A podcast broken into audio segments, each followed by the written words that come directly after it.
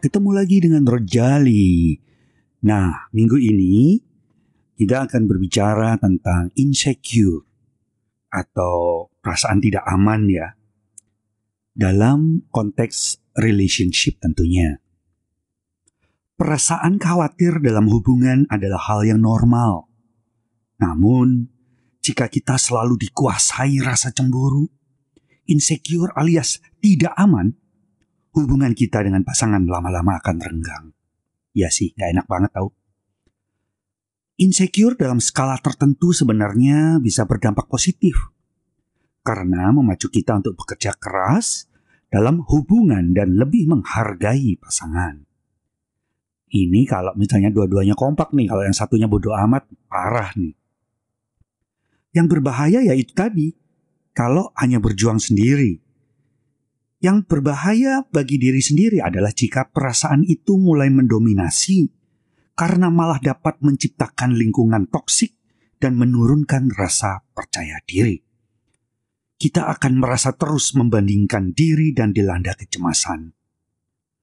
Salah satu tanda insecure adalah rasa cemburu. Ini pada awalnya terasa tidak berbahaya, bahkan romantis sih. Romantis dari mana?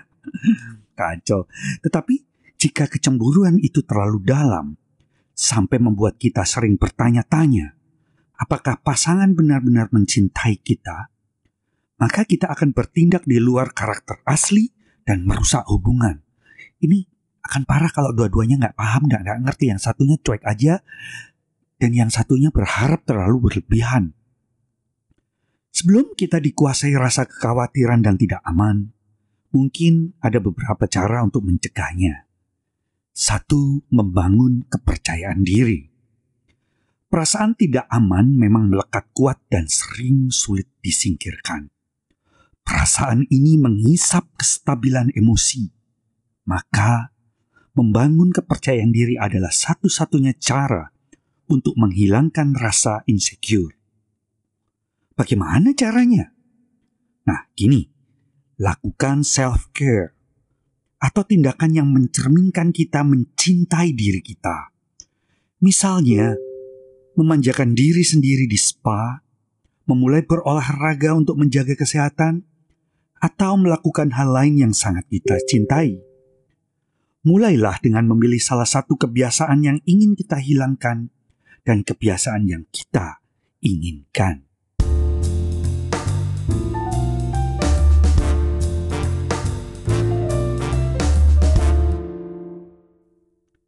Kemudian, cari tahu akar masalahnya.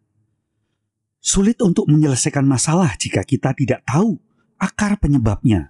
Sekali lagi, ini yang parah kalau yang satunya menganggap itu masalah, yang satunya lagi nggak tahu kalau itu akan jadi masalah dan tetap dilanjutkan. Berbuat seperti apa yang tidak dikehendaki kedua belah pihak, tapi lempeng aja mengerjakan sesuatu berkali-kali, berulang kali. Coba gali lebih dalam dan evaluasi apa yang membuat kita merasa sedih dalam hubungan yang sedang dijalani. Apakah itu sesuatu yang diucapkan atau sebuah kata-kata yang tidak mengenakkan? Juga bisa sesuatu yang dilakukan pasangan yang membuat kita memikirkan motif di baliknya. Ataukah itu komentar dari orang lain di unggahan media sosial kita? Apa pun itu, hubunganmu dengan pasangan akan merasakan manfaat positifnya jika kita bisa mengetahui sumber dari perasaan tidak aman dan bisa menghilangkannya. Percaya pada diri dan pasangan bukan pengetahuan baru, bah. Wah, kunci dari hubungan yang sehat dan bahagia adalah rasa percaya. Kecuali salah satunya nggak bisa dipercaya. Udah janji, udah sumpah tetap melakukannya. Itu gila namanya, sampah. Kepercayaan bukan cuman berbagi rahasia terdalam dengan pasangan tanpa rasa cemas kalau ia akan membocorkannya, tapi juga memberikan rasa nyaman dengan apa yang akan disampaikannya. Bahwa pasangan tidak akan mengkhianati atau menyakiti. Kamu dan pasangan bisa mempraktekkan rasa percaya dengan selalu bersungguh-sungguh dengan apa yang dikatakan hadir secara fisik dan emosional dalam hubungan, serta bisa diandalkan satu sama lain. Sekali lagi, kalau salah satunya udah tidak konsisten dengan apa yang diucapkannya, maka udah tinggalin aja yang begitu. Nggak penting, busuk gitu. Nah, karena apa? Tak kalah penting dalam mempercayai intuisi kita. Jika pasangan tidak pernah punya alasan untuk dipercaya, maka cobalah untuk mempercayainya.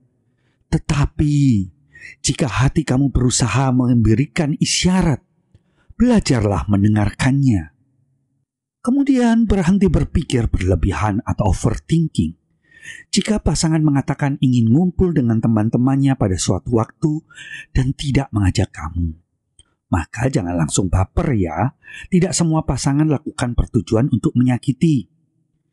Sama halnya dengan pasangan yang tertidur sebelum kamu sempat mengajaknya untuk bercengkrama, bukan berarti ia selingkuh atau tak tertarik. Mungkin ia hanya lelah saja. Untuk ketentraman hati, cobalah bangun rasa percaya. Hal ini juga menghindarkan kita dari sikap posesif.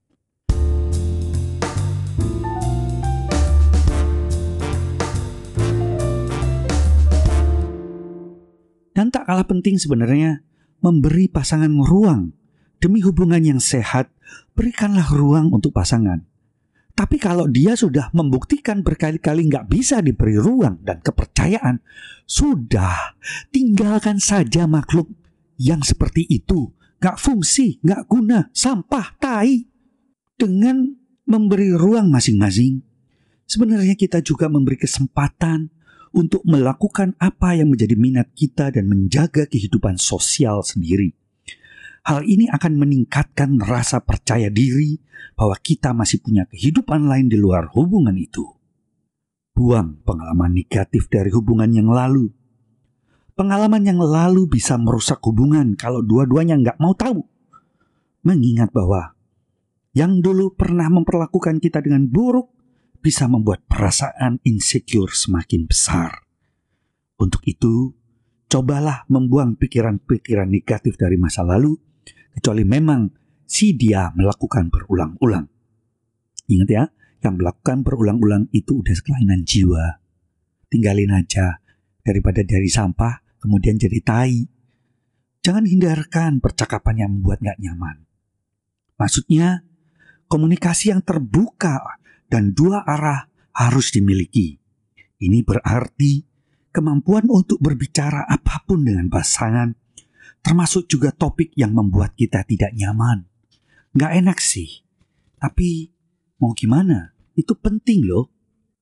Perasaan khawatir dan yang paling penting adalah, hei untuk kedua-duanya ya, batasi media sosial. Orang bijak mengatakan, membandingkan diri adalah pencuri kebahagiaan. Hal itu makin terbukti di era media sosial seperti sekarang. Membandingkan diri dengan orang lain yang terlihat sempurna, baik secara fisik atau materi, hanya membuat kita merasa hidup kurang bahagia. Apalagi media sosial juga disering dijadikan cara untuk mengamati kegiatan para mantan. Ingat ya, batasi media sosial. Kalau salah satu nggak bisa, udah bubar aja itu hubungan. Gak penting. Ya, masih banyak di luar sana yang jauh lebih baik. Sampai di sini dulu. Salam Rojali. Thank you.